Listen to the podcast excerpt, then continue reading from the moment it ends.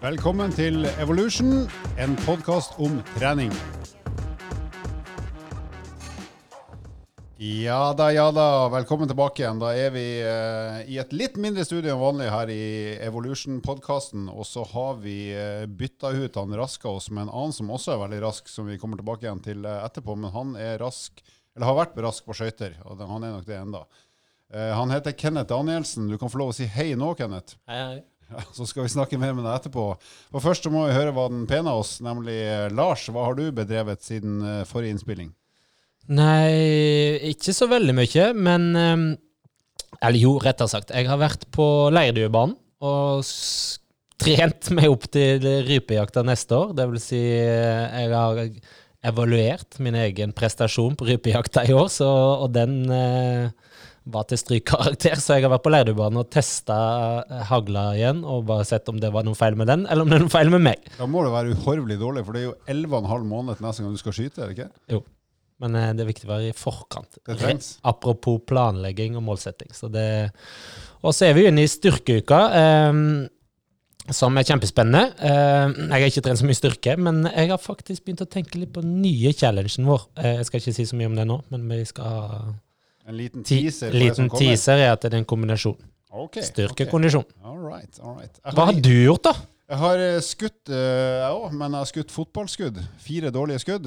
Uh, prøvde å treffe tvellingen, traff på null, så jeg tapte mot min sønn. Men mitt store øyeblikk siden sist er at jeg klarte å løfte 120 kg i markløft hele seks ganger uten pause. Og for en svak, gammel fyr som meg, så er det faktisk en bragd. Så nå begynner jeg å lure på om jeg kanskje skal prøve å eh, dra opp 150 kg før eh, 2024. Så det er mulig det blir et mål nå fremover. Så du forventer en stor applaus? Nei. Jeg er bare fornøyd. jeg. Jeg vet det er ræva, men jeg er fornøyd likevel. Good, good. Da skal vi eh, straks dra i gang med et veldig spennende tema og en veldig spennende eh, gjest.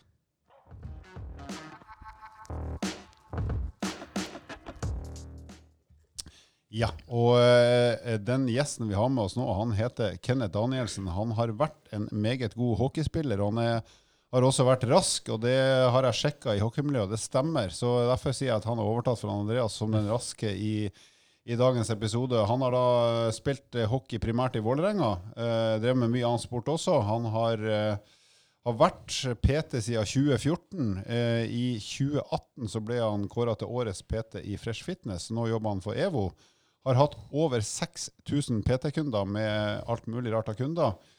Uh, og er hos oss nå for å snakke om livsstil og livsstilsendring. Og uh, Kenneth, uh, vil du si at introduksjonen er på sin plass, eller er det noe mer vi bør legge til? Nei, men uh, 6000 PT-kunder har han ikke hatt, men 6500 PT-timer, da. Eh, Ja, det- noe annet ville vært sykt. Beklager, det hadde vært eh, trist hvis du hadde hatt bare Ja. én time med hver kunde. Ja. Men jeg, ja, eh, jeg er veldig rask eh, på is. Uh, Ikke rask ellers. Eh, Løpe, det tror jeg alle løper fra meg, til og med Lars. Det er litt Ja, det er ikke si Ja, kanskje. Ja. Men det som er litt trist, er at du mest sannsynlig hadde gått fortere baklengs enn jeg hadde gjort forlengs på skøytene. Mest sannsynlig. Mm. Ja, jeg hadde ikke stilt opp engang. Men eh, ja, så du er rask på skøyter, og du er også, i likhet med Lars, ganske pen. Det må jeg jo si. Takk skal du ha. Det er selvfølgelig ingen som får sett det, men det er faktisk sant. Jeg har peiling. Litt er mer skjegg enn han andre raske. Ja. Men eh, la oss snakke om livsstilsendring. og Det er jo mange varianter. og Det jo mange ulike mennesker som hva skal vi si, nesten til enhver tid er inne i en eller annen livsstilsendringsfase. Og Hvis du sier litt sånn kjapt, hva slags mennesker har du sjøl jobba med i forhold til livsstilsendring? Eh, Det ville vært lett å sagt den klassiske ned 30 kilo, og jeg har jo hatt mange av de. Eh, Men det er jo også de som skal opp i vekt, de som har eh, opplevd noe posttraumatisk stressyndrom har dem. Så det er mye forskjellige kunder. Unge, gamle, menn, kvinner. Eh, Så det er derfor den er litt sånn Ja, den er nok bredere enn bare vektreduksjon, da, som er den klassiske som man tenker på. Ja. Og hvis du skulle beskrive kundene, har du hatt eh, ja, begge kjønn, alderskategorier? eh, Er det noe som stikker seg ut som en sånn klassisk livsstilskunde i, i ditt virke, eller er det alt mulig der òg? For meg så er det vel kvinne 35 til 55. Eh, og det kan ha noe med at det er den kundegruppen jeg tiltrekker meg. Eh, kan være skjegget, kan være at jeg var den eneste gutten på senteret, det vet jeg ikke. Eller skøyteferdighetene. Eller skøyteferdighetene. Ja, kan det hende. Sosiale medier eller noe sånt. noe. Ja. Uh, men ja, det, den klassiske ned 30 kilo, eh, og gjerne den Ja, jeg vil gjøre det til i morgen. Uh, eller så har du motsatt side, da, som eh, Nei, det kan godt ta fem år. Uh, og så prøver man jo da å gjøre mattestykket selv og si at eh, nei, men det klarer vi på så og så mange måneder, da. Hvis vi tar da den der, eh, la oss si det klassiske livsstilsendringa, gå ned i vekt, få litt mer overskudd, bedre helse. Hvordan, hvordan angriper du en sånn det problemstilling og en kunde? Hvordan jobber du da for å komme i gang i en prosess? Først så prøver jeg å finne ut av hvorfor. Eh, For meg så er det primærgrunnen. Det er ikke hvor mye, men det er hvorfor. Eh, Og når man har funnet ut av hvorfor, så kan man se på om man skal da ha en del delmål, om det bare er å følge matplanen i en uke, eller om det er å komme seg på trening to ganger første uka. Sånne små ting da, som er de lettere å starte med. Eh, For den klassiske feilen er jo Nei, men nå skal jeg trene syv ganger i uka, gjerne to timer om dagen, og jeg skal spise 1000 kalorier. Og så blir det Det er ingen som klarer å holde det. Eh, så det er litt der jeg starter, da. Eh, prøve å finne ut av hvorfor, og så små steg, da. Og hvis vi tenker oss nå, hvis vi snakker til lyttere som enten har vært eller kommer til å bli, eh, altså i en sånn fase der man, man skal gjøre noe med livsstilen sin, som sagt, det tror jeg gjelder oss alle på ulike stadier i livet. Hva er det som da er, etter din erfaring, hva er det som er smart, hva er en smart start på en livsstilsendring som skal ha mulighet til å vare, og ikke bare gå over? Eh, komme seg på trening. Ja. Det er det første. Eller å være i aktivitet, da. Men siden vi jobber på treningssenter, så blir det det letteste. Eh, gjerne ha en PT for å ha den avtalen å komme til, eller en treningspartner som da også har vært og trent mye. Det er veldig dumt å starte to stykker som egentlig ikke er sånn kjempemotivert, uh, men å ha en som faktisk har en del erfaring, eller da også ha den avtalen med en PT. Du blir litt sånn forplikta til å møte opp, og jeg tror det kan være liksom den viktigste tingen. da. Starte med én eller to timer i uka. Ja, så starte på et nivå, et, en frekvens som, som du vet du kommer til å få til så, så lenge du møter opp. Altså, det er ikke sånn at du, du må ikke slutte med resten av livet for å få det til. Så én til to ganger i uka er noe man må anta at de fleste faktisk har muligheten til. Ja, og, og det er jo faktisk forskning som viser det at eh, du kan gå ned i vekt bare av å gå inn på treningssenteret. Ikke å trene, men bare å være der gjør at du går ned i vekt. Eh, og det er jo sykt å tenke på. Så hvis man da faktisk kommer seg inn og prøver noen apparater, da, eller har en PT-time eller noe sånt, nå, så, så vil jo det være en god liksom, del da, av det å kunne starte. Eh, jeg tror det veldig mange gjør som er feil, eh, er jo også det som eh, lar seg veldig god på, å planlegge. De Det har du fått med deg. Ja, de planlegger mye, og så er det den gjennomføringsevnen. da. Så derfor, Det er tror han jeg, Lars, det. ja, derfor tror jeg det å ha en avtale kanskje gjør at det er eh, lett å starte. da. Jeg er litt overraska at du ikke brukte meg som et eksempel i sted, Halvor, når du skulle introdusere det med livsstilsendring. Jeg skulle være grei, men du har jo prøvd og feila så mange ganger, så jeg tenkte det var dårlig gjort. men det du sier med at det holder å bare gå inn på treningssenteret, da snakker vi om at det å på en måte få en rutine på å gå inn på treningssenteret gjør at man blir mer bevisst, som igjen kan da føre til et vekttak. Det er ikke nok å bare passere dørstokken og så sjekke ut en etter et minutt. Så det er vel det man ofte ser, da, at, at det å lage en rutine der du ikke nødvendigvis trener knallhardt og veldig masse, men, men det er liksom en del av ei pakke der du har starta på noe annet, som Ja. gjør at man blir litt mer bevisst på andre ting òg. Ja, Noe er bedre enn ingenting. Ja. Eh, jeg har jo en kunde som eh, litt sånn prakteksempel, som brukte seks år på å komme seg inn døra. Eh, det skal, tilleggsinformasjon er hun bor på andre siden av gata. Ja, så du Sek- måtte krysse gata først. Ja. Men seks år fordi at det var så vanskelig å komme seg inn på et treningssenter. Eh, og nå så er hun jo inne og trener to ganger om dagen, gjerne. Ja. Og der er det også en eh, hva, hva er det som eh, Når du har mennesker du jobber med, hva er det de ofte er kanskje mest bekymra for i starten? Enten det gjelder eh, livsstilsendringer i seg sjøl, eller det å være på treningssenter. er, Hva er det som går igjen som, som du er ganske sikker på at når du møter et nytt menneske, så, så kommer du til å treffe på noen bekymringer eller noen holdninger kanskje som, som ligger der? Eh, det er jo et par ting. Det ene er at eh, treningssenteret er for de som er trente. Uh, og der mener jeg som fagperson at uh, det er nesten motsatt. Det er for de som skal begynne å trene. Eh, altså Disse kroppsbyggerne de finner du ikke på kommersielle treningssentre, de finner du på de små. Eller så trener de hjemme i kjelleren. Eh, men det å kunne komme seg inn, og du er faktisk en del av alle andre eh, Alle har på headset, det er ingen som ser på deg. Man har nok med å ha fokus på seg selv. Alle er i sin egen boble. Så eh, det er nok det at det, det er ikke så skummelt som du tror at det er. Eh, og derfor så kan det være litt sånn greit å ha den PT-en som ja, holder deg i hånda nesten, da, og guider deg gjennom. Eh, for det er jo det vi er. Vi er jo en sånn fagperson som står og støtter og, og sier egentlig at det, dette er bra, eller dette bør du endre på. da. Ja, for det, det, det synes jeg er et viktig poeng, og det, det gjelder jo generelt, enten man er i livsstilsendring eller ikke. Men det er jo, folk på treningssenteret er jo vanlige folk. Og vanlige folk er noen er i god form, noen er i dårligere form, og noen er litt tynne og noen er litt større. Men det er, det er ikke noe Det skal være ganske spesielle saker på gang for at du stikker deg ut på et treningssenter, egentlig. Så lenge du har fått på deg et eller annet tøy som, som er kurant å bevege seg, så, det, så finner du stort sett alt mulig i alle alderskategorier og kjønn og form, eh, formnivå. Så det er nok et veldig viktig poeng å, å prøve å formidle til de som er usikre, at det er du er et vanlig menneske og kommer til å være blant vanlige folk. Og så får du hjelp av en trener helst også, da, for å få den overgangen til å bli ålreit. Ja, og Hvis man skal gå litt dypere på det, så er det jo det at eh, en del er redd for endringen i seg selv. Eh, de sier gjerne både høyt og til seg selv at jeg vil gå ned 10 kilo eller 30 kilo, eller hva enn det måtte være. Eh, men de er ikke helt sikre på hvordan det skal være å være der. Eh, Det er derfor du også får en del sånn jojo-slanking. Jeg går ned ti kilo, men det er ingen som har forberedt hva skal jeg gjøre når jeg har kommet dit. Det, det å være der nede, hvordan, hvordan ser jeg for meg at jeg skal se ut? Hvordan kommer eh, livet mitt til å ha endra seg? Eh, så det også faktisk snakke med noen som har gjort det her før, noen som jobber med det, og da kan liksom si at ok, men når vi har gått ned så og så mye, så er det dette som blir fokuset, da. Eh, Så det å fortsette å ha en del mål, og fortsette å ha noe å jobbe med, da. Om det enten er mentalt, eller om det er fysisk, da. Jeg pleier å stille spørsmål til de som spør meg om hjelp eh, i forhold til det å gå ned i vekta. Primært det hvor lenge, å, å komme i god form. Så jeg spør alltid hvor lenge har du tenkt å være i god form? Eh, og svaret er jo aldri at nei, jeg skal bare være i form 14. juni, og så driter jeg i resten. Det er jo alltid det at resten av livet er jo alltid perspektivet, stort sett. da. Med mindre du skal gifte deg og skal ta ett bryllupsbilde, og så, du, og så gir du blaffen. Men de fleste har jo perspektiv.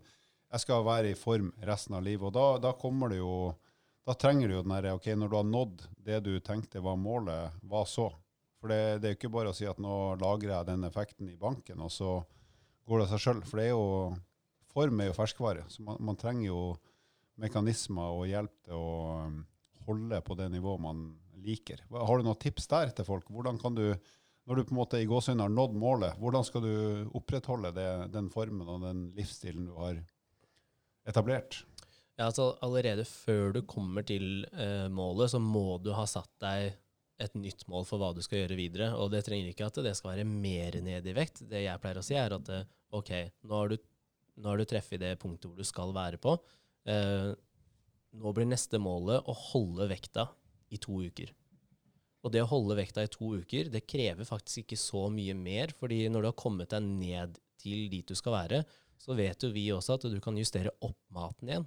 Eh, For har du ligget i et kaloriunderskudd lenge, så har du jo da ja, du har jobba deg ned i vekt, men for å da holde vedlikehold, så kan du justere maten opp igjen. Eh, og det å da bare holde den i to uker, og så se at ok, to uker gikk fint. Da prøver vi fire uker. Det der er jo, synes jeg, et eh, gullstikkord, nemlig at du snakker om å ikke bare gå ned, ned, ned, ned, ned, men å, å faktisk si at nå, nå tar du en, eh, en liten timeout der du skal opprettholde det du har klart. Og det kan vel kanskje være smart også mentalt, at man ikke blir skuffa over at man ikke alltid går ned i vekt, for det, for det er jo ikke mulig. På et eller annet tidspunkt stopper det opp uansett, men å kanskje ta en liten sånn etableringsfase i, i, i, med en ny form og en ny vekt, og, og, og se hva, hva skal til, lære seg litt hva skal til for å holde dit jeg er kommet nå. da.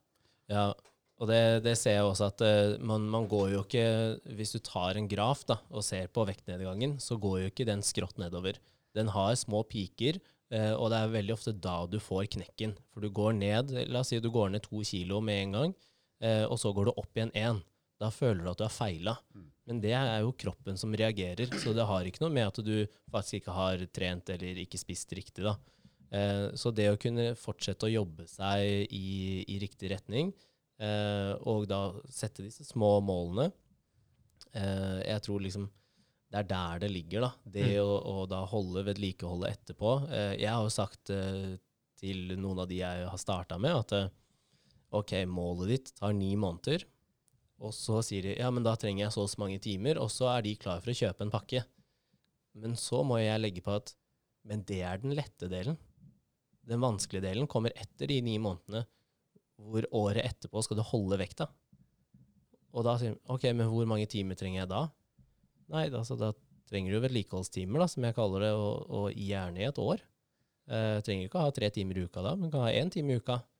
Eh, og da blir det jo ja, nesten to år med samarbeid. da. Eh, to år med én person. Da lærer du mye, og da veit du også at du er der hvis noe skulle skje. da. Og det, jo, det har vi jo veldig mange gode praktiske eksempel på. og Det ligger jo òg i ordet endring, altså livsstilsendring. Og hvis vi knytter det mot varig endring, som vi òg har prata litt om, og som vi prater om når vi jobber som personlig trener og trener og ute på treningssenter og andre fagfolk i miljøet, Um, så er helt enig med deg, for man møter jo noen fartsdumper, som vi bruker som et lite sånn uttrykk, i en sånn prosess. Og det å klare å komme seg forbi de og se på en måte neste steg, neste steg og så neste steg hele veien, eh, tror jeg er veldig viktig. Og der er det jo fint å ha en som holder en litt i hånda over de fartsdumpene og faktisk viser veien videre. Eh, så det er jeg helt enig med deg. Og så syns jeg det er viktig å påpeke det, det poenget med å eie det sjøl. Altså eie målet, det å ta eierskap til sin endring eh, tror jeg er veldig viktig, som, som, eh, som dere lyttere der ute kan ta med dere. At eh, det er greit at jeg eller du, Kenneth eller Halvor som PT kan eie det, og eie opplegget, men vedkommende òg må virkelig gå inn for det for at det skal skje en endring. Det tror jeg er veldig viktig.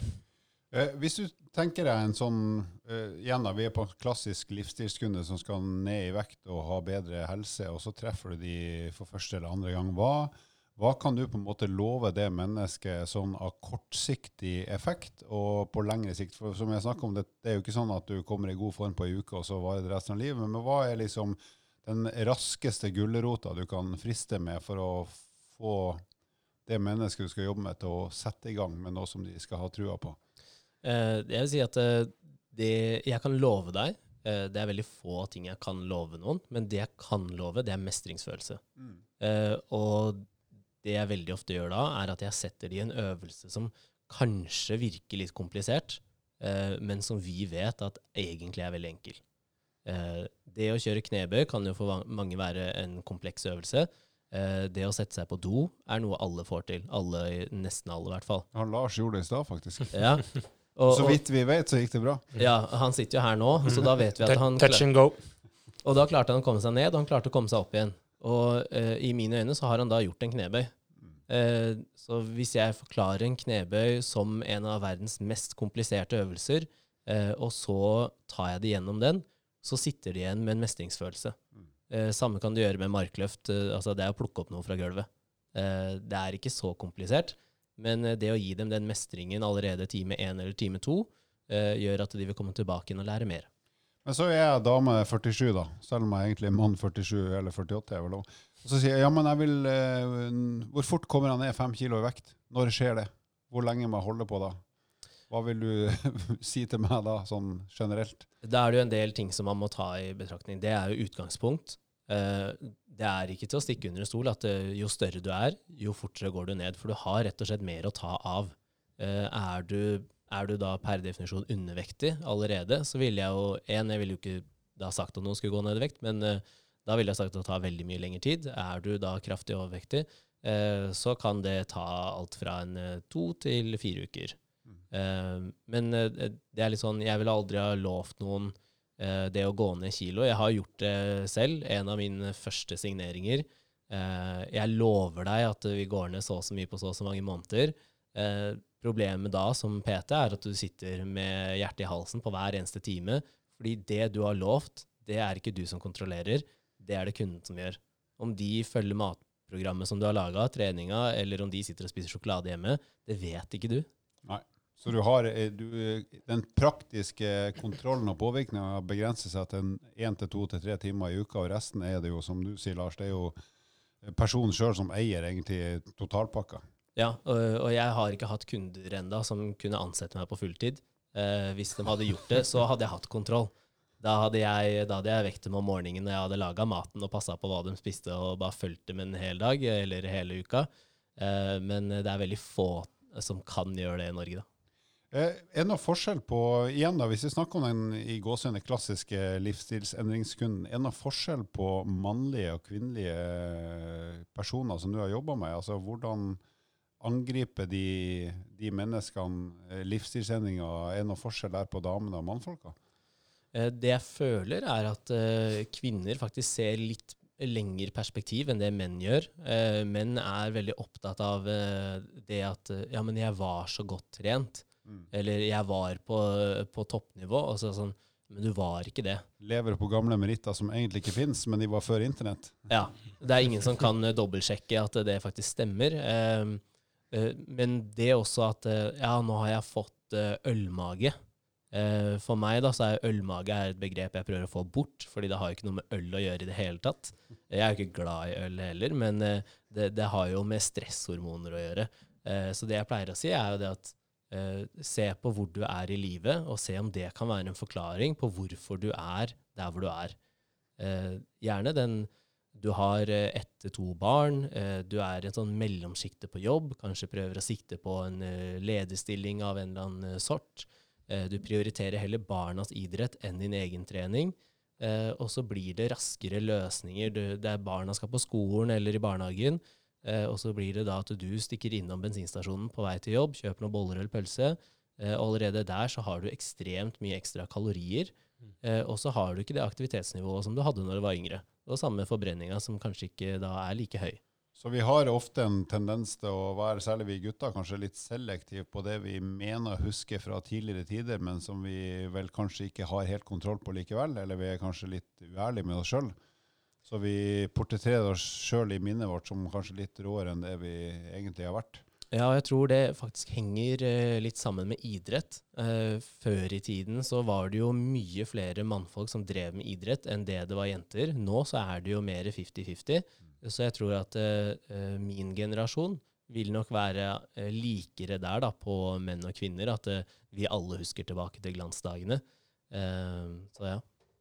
Jeg er litt nysgjerrig på, på hvis du skulle Eller det er mange der ute som er nysgjerrig. Hvis, hvis du skulle fått eh, en case, eller en kunde kom til deg, eh, kan du bare kort ta oss gjennom gangen i det? Hvordan vil du ha jobba med vedkommende, hvis vi tar vektreduksjon som et, som et emne? Eh, hvordan ser den første møtet ut, eh, første uka, og prosessen litt videre? Eh, det her er jo litt sånn fra PT til PT og person til person, men det jeg har funnet ut som fungerer for meg, det er å bonde over noe. Eh, for meg så er det ikke så viktig å snakke om eh, formler og kalorier på første møte.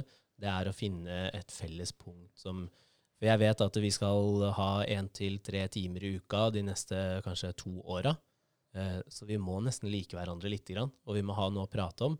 For selv jeg syns det er kjedelig å prate fag tre ganger i uka med samme personen. Og det går litt sånn OK, men hvor mye skal vi prate om det? Så første møte så prøver jeg å finne et eller annet å bonde om. Prøver å finne masse informasjon om kunden. Eh, og da er det litt sånn som med speeddating. La den andre parten prate. Mm. Eh, for jo mer de prater, jo mer finner du ut om kunden. Har de barn? Har de hytte? Har de hund? Eh, hvor langt er det fra der de bor, til der de jobber? Eh, og det, det kan være sånn For mange så er det informasjon som ikke har noe å si, men for meg så er det OK, men da kanskje du kan la bilen stå da, og sykle. Eller eh, gå. Mm. Um, så det er første møte, og så er jeg alltid ærlig. Uh, jeg har funnet at uh, ærlighet varer lengst. Uh, jeg var ikke sånn før, men nå gjør jeg det. Um, og da er det det med at det å si uh, det her kommer til å ta tid. Det har jo tatt tid å komme dit hvor det er nå.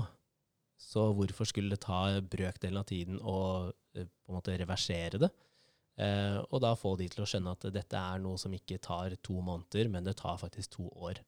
Eh, så prøv å få inn det allerede på time én. Og så går vi over til da veldig basic trening. Eh, starte med trening, ikke med mat. Eh, for trening er lettere.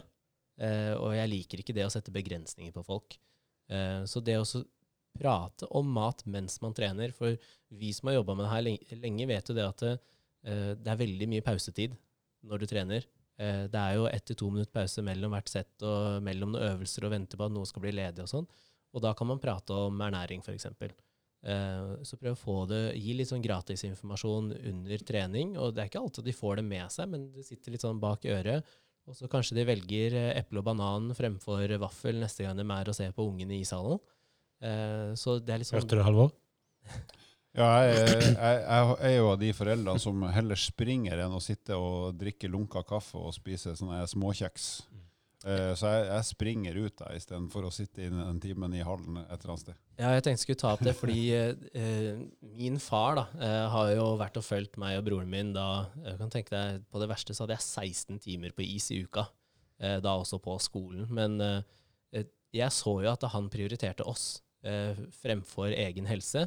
Og så fant han en satsavdeling. Eh, jeg har jo da spilt på Vålinga, så Jordal blir jo nærmeste. og da... Sats kampen. Sats kampen. Eh, gode gamle ned i kjelleren der eh, i styrkerommet.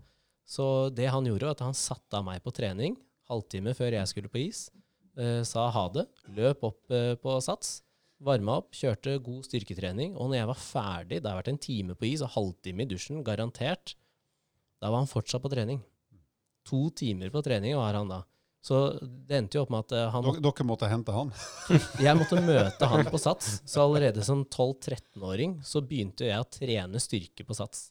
Uh, og da så jeg at faren min han gikk jo fra å være på reserve til at han hadde så mye overskudd og måtte jo bytte ut alle klærne fordi han hadde så svære armer til slutt. Men hva slags, eh, hva slags, type trening, Hvordan ser en typisk treningsøkt med deg ut for den kunden vi snakker om nå, altså som skal ned i vekt og gjøre noe med helsa på kort og lang sikt?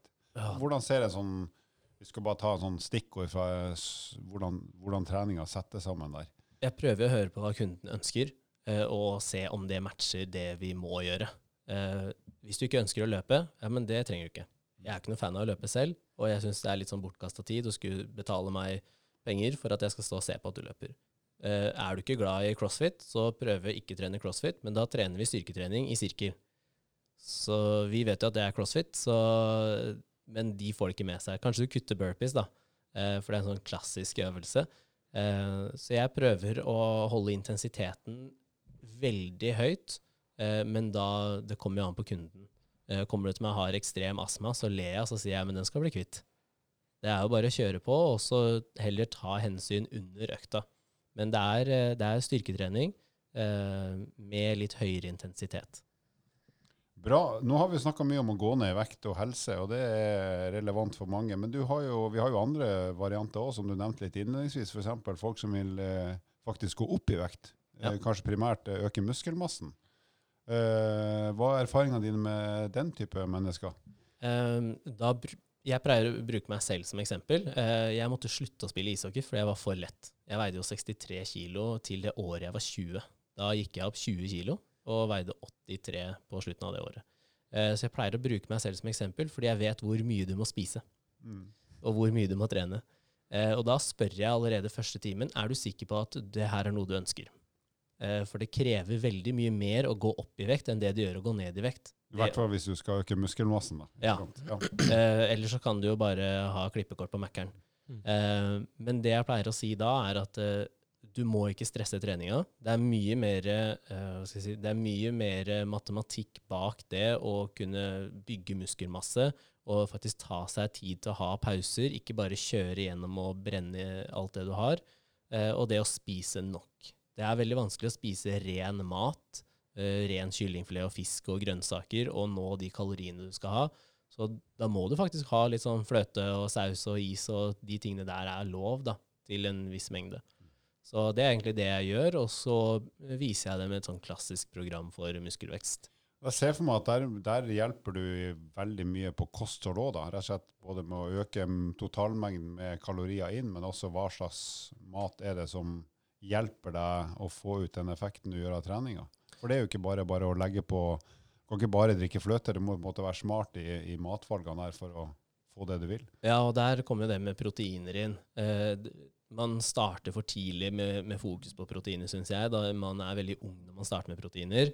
Eh, selv så var vi vel 13-14 og proteinsjekk etter is og litt sånn. Det har jeg ikke noe å si. Men eh, eh, det å da si OK, men det her er så mange gram du trenger, eh, og vise dem eh, mattestykket på det, så at de forstår at OK, det her er det er ikke noe man bare sier, det er en formel, det her er noe som er forska på. Eh, det jeg pleier å gjøre da, er at jeg går jo over det som er anbefalt fra staten. Eh, så jeg ligger ikke på 1,4 til 1,6 gram, men eh, jeg kan pushe mine opp på 2 til nesten 2,5, kommer litt an på lommeboka blant annet. Eh, men det å da få dem til å skjønne at ok, har du fått i deg så mye proteiner, så kan vi tenke på når er det du skal legge inn karbohydratene dine, før eller etter trening, når på døgnet. Noen responderer bra med å spise karbohydrater seint, andre får jo ikke sove hvis de gjør det. Så det må man også ta høyde for, da.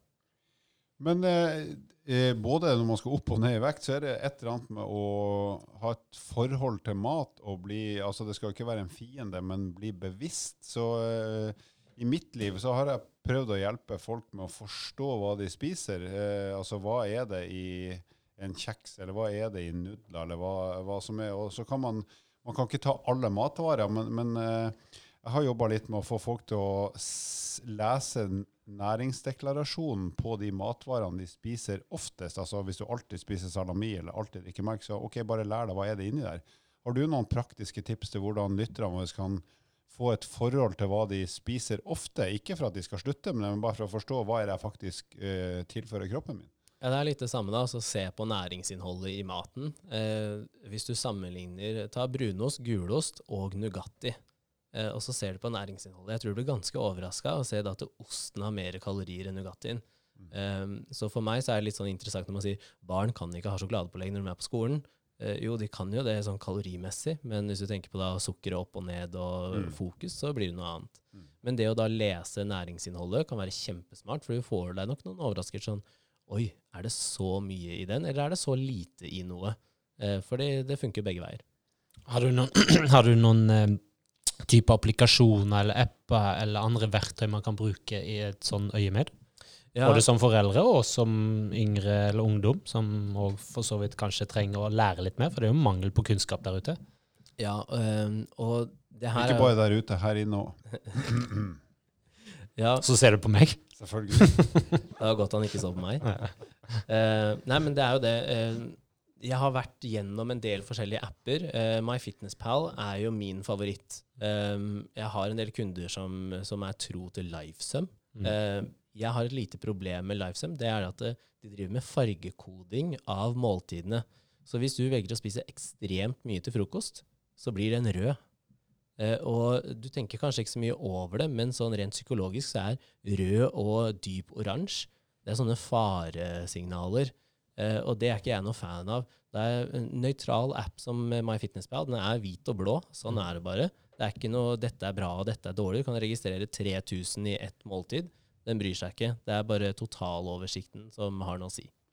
Du, Hvis du skulle ha konkretisert eh, som, i hvert fall Hvis vi tar liksom de som skal ned i vekten av utgangspunktet. Hvis det er tre, tre matrelaterte tips du kan gi som sannsynligvis er smart for alle som ønsker å komme seg ned i vekt, og som har behov for å gå ned i vekt, hva kunne det ha vært? Ja, jeg kan gi eh, den faktiske oppskriften. Ja, OK, vær så god. Fint. Eh, Ja, nå gir jeg Takk. fra meg mye kunder. Eh, søk opp så du finner altså, Finn en formel på hva du skal ha kalorier. Mm. Eh, og så trekker du fra 500. Det er det jeg har funnet ut er gulltallet for mine kunder og meg selv. Ja, så et kaloriunderskudd på rundt 500 per døgn. Yes. Ja.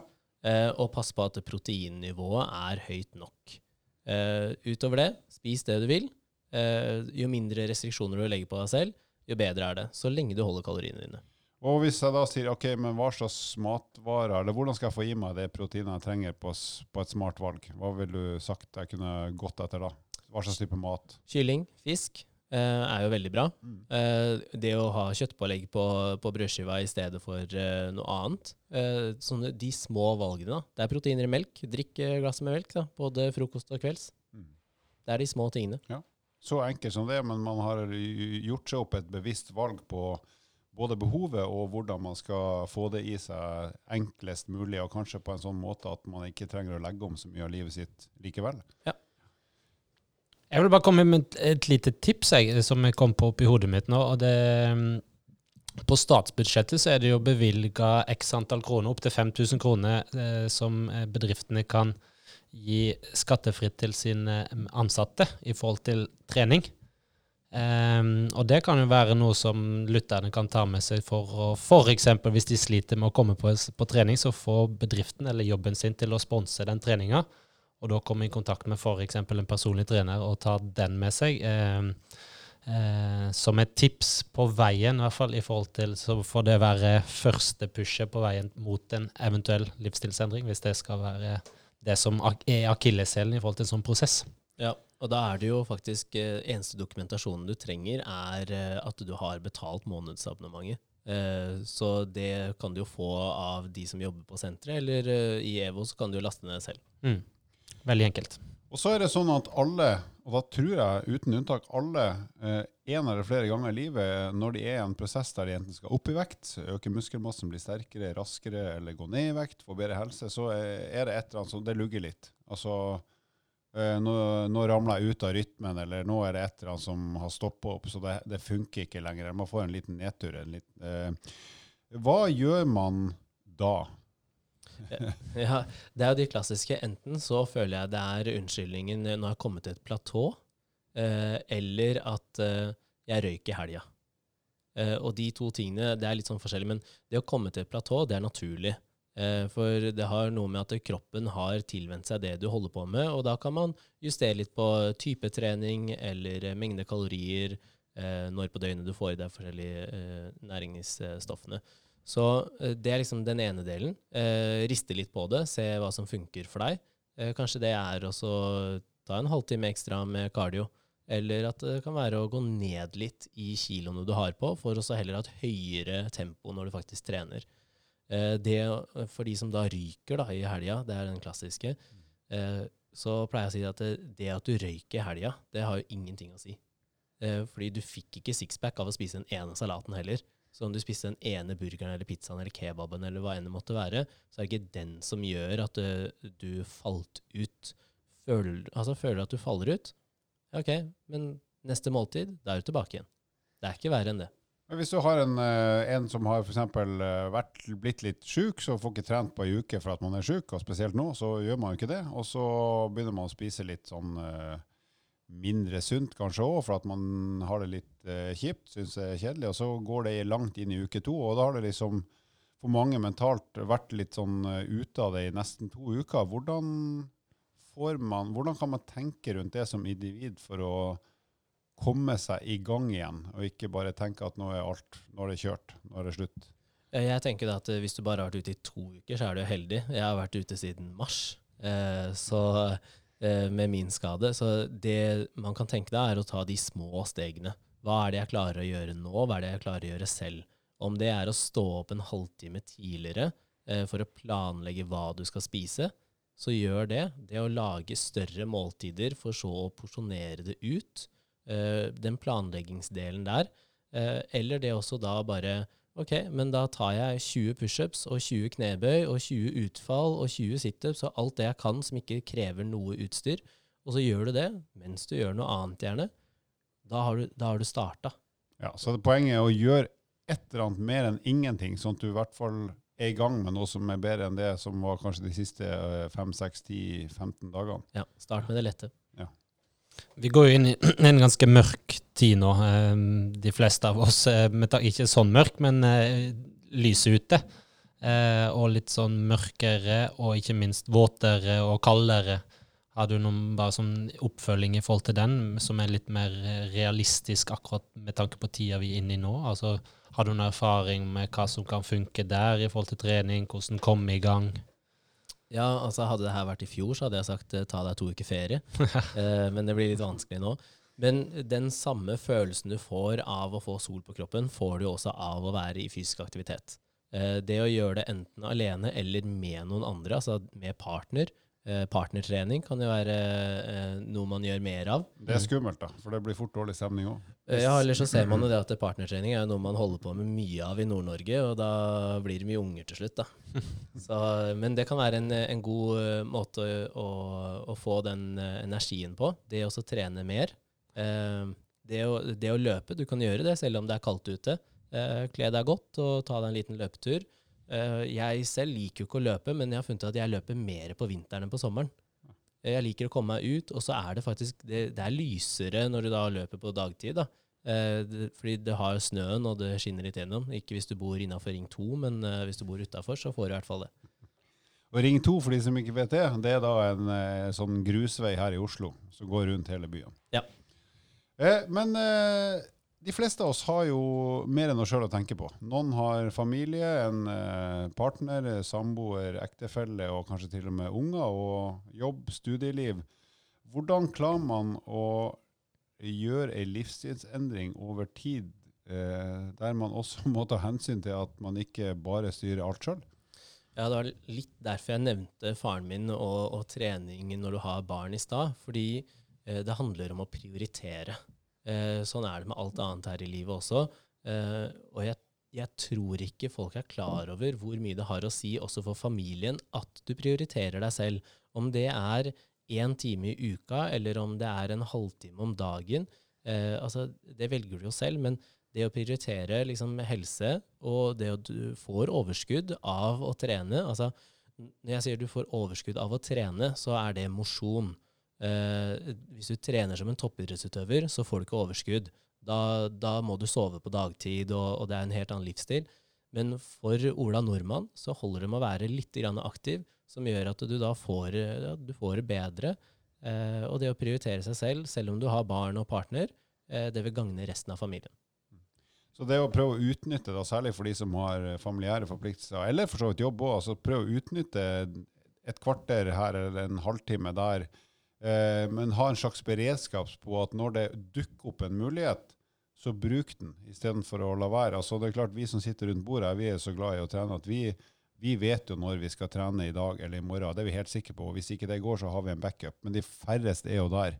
Men hvis man klarer å tenke på det, ok, i morgen, hva slags bevegelsesmuligheter kan det komme til meg da, på jobben eller rett etter jobb? Og så ikke nødvendigvis ha med seg treningstøy, men bare tenke at ok, nå, jeg, nå har jeg sjansen til ti minutter rusling i lunsjen før jeg spiser. Så har du tenkt på det, og så er det lettere å bare ta den, istedenfor å bare la det gå forbi uten å ha vurdert det engang. Ja, jeg tror det at det, det er veldig få som, som tenker over det her, men hvis du tar kontakt med eh, arbeidsplassen du er på, så er det veldig mange som faktisk får lov til å trene i arbeidstiden. Om det er en halvtime, halvtime eller om det er en time, så får man det. Eh, hvis du ikke får det, så har du også krav på ståpult. Det å stå hjelper. Det å stå, sitte, stå, sitte utover arbeidsdagen. Rene knebøyene. Ja, disse små tingene der. Hvis du kan programmere pulten din til å gå opp og ned, så får du kjørt litt knebøy. Men det er de, de små tingene. Du trenger ikke dra på treningssenter. Du må ikke løpe en time. Du trenger ikke skifte engang. Ja, det å ta med seg lunsjen og gå og spise samtidig, da. Jeg sitter, ser han Lars sitter og skriver ned her nå. Mm. Jeg, har, jeg, har stå, jeg har sånn hev- og senkepult, jeg. Jeg hev- og senkepult, så det takk til Morten. Men du, vi snakka litt innledningsvis, og et fint tips som vi snakka om. eh, Det gikk på å, å komme seg ut og kunne koble ut ved å ta f.eks. telefonsamtale eller lytte på en podkast eller andre ting. Det å rett og slett eh, kombinere det med en, en luftetur eller en rusletur eller en litt mer eh, aktiv tur. Ja, jeg gjør det spesielt nå. Nå er det jo syv uker siden jeg opererte menisken, så eh, nå kan jeg endelig gå. Eh, Det er jo en uke siden jeg kasta krykkene. Og for meg så har det vært liksom nøkkelen, da. Det å sette på en litt sånn letthørt eh, podkast, og bare høre på den mens jeg går. Og brått så har jeg gått i tre kvarter. Det ville jeg jo ikke gjort hvis jeg ikke hadde noen ting på øra. Eller tenke sånn, ok, men ja, nå er det lenge siden jeg har prata med farmor eller tante eller, eh, eller hvem enn det måtte være, og så ta opp telefonen. Uh, og spesielt i de tider nå, da, som man snakker om at det blir litt sånn mørkere, og man har også litt mer fokus på det med mental helse, og det å spørre hvordan folk har det. Og det kan du gjøre mens du er ute og går. Uh, lufte tankene sine, rett og slett. Du, eh, Vi skal avslutte her nå straks, men hvis du skal eh, snakke til lytterne som enten har vært eller kommer til å være i en livsstilsendringsfase, uansett målsetning, hva, hva kan du si til de for at folk skal ha lyst til å prøve? Enten for første gang eller for hundrede gang. Ja, altså eh, Med det så kan du ta inn det med statistikk og forskning. da. Veldig mange har hørt om at det tar 21 dager å endre en vane. Eh, og så ble den litt sånn Nei, det tar lengre tid. Og så var det 33 dager. Og så var det 66 dager. Og det går jo bare oppover og oppover. Og så viser det seg at uh, det tar mellom 18 og 254 dager å endre en vane. Uh, og grunnen til at det er så stort sprik i det, er fordi at er det å drikke et glass vann ekstra om dagen, eller å huske å låse døra? Eller er det å slutte å røyke, eller er det å begynne å trene, eller legge om maten? Eh, og de siste der da, eh, tar mye lengre tid. Så det tar opp mot 200 og 250 dager å endre en sånn type livsstil-vaneendring. Eh, og det å da huske at ok, det tar tid, jeg tar hver dag, eh, og så gjør jeg litt det jeg klarer. Bra, folkens. Bare og en skyt inn på slutten. Er det for de som da er nysgjerrig på å eventuelt bruke deg som, som en vei, eller en del av denne veien på Livsstilsendring, hvor kan man ta kontakt med deg? Eh, finn meg på EVO sine nettsider, eller så er det å kontakte meg på sosiale medier. Kenneth Danielsen heter jeg der.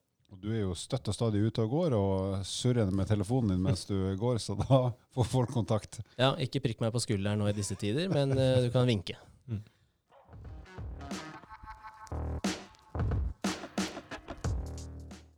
Bra. Da er vi eh, kommet til eh, fun fact. Eh, men først så minner jeg om at vi gjerne mottar rating på Spotify eller iTunes. Og send oss gjerne inn spørsmål på Instagram eller Facebook. Der heter vi Evo Fitness. Eller du kan også sende inn spørsmål til oss via evolution.no. Der er det massevis av treningsstoff. Og nå har vi dratt i gang en ny konkurranse. Nå er det fem vinnere som eh, før jul skal få eh, vinne Abilica Door Gym, som er rett og slett et hangups-feste, pullupsfeste som du fester i dørkarmen hvor som helst. Du kan ha det med deg på ferie, du kan ha det hjemme. Du kan sannsynligvis henge det i tre år hvis, hvis du er litt kreativ. Og det leveres av treningspartner.no. Så det eneste du trenger å gjøre der for å være med, det er å gi oss rating eller sende inn spørsmål. Så det er meget, meget enkelt, og en fin premie. Liten fun fact der, eh, Halvor. Veit vet god. du hvem som eh, markedsfører er ansiktet utad på den door gymmen der, eller hva?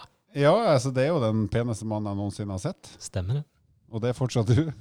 Du er faktisk lik deg sjøl òg. Ja. Du ser bare ut som du har litt tjukkere skjegg. Ja, jeg hadde lagra mat i kinna. Det er bra. Det, vi eh, snakker jo, eller vi følger jo ofte med på sport, det gjør jeg for de fleste i studio her. Og eh, høydehopp er jo en øvelse vi fort blir imponert over. Jeg tror verdensrekorden er 2,44 eller noe sånt. En cubaner med navn Sotomayor, tror jeg, som har den. Eh, Javier.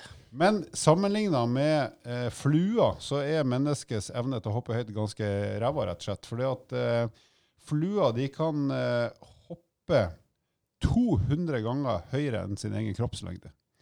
Så hadde det vært meg, så hadde jeg vel endt opp på en, jeg vet fanken, et par kilometer i høydehopp. Men det er da altså ikke sant. Det er min personlige rekord i stille høyde, helt stille, musestille høyde, er 23 cm.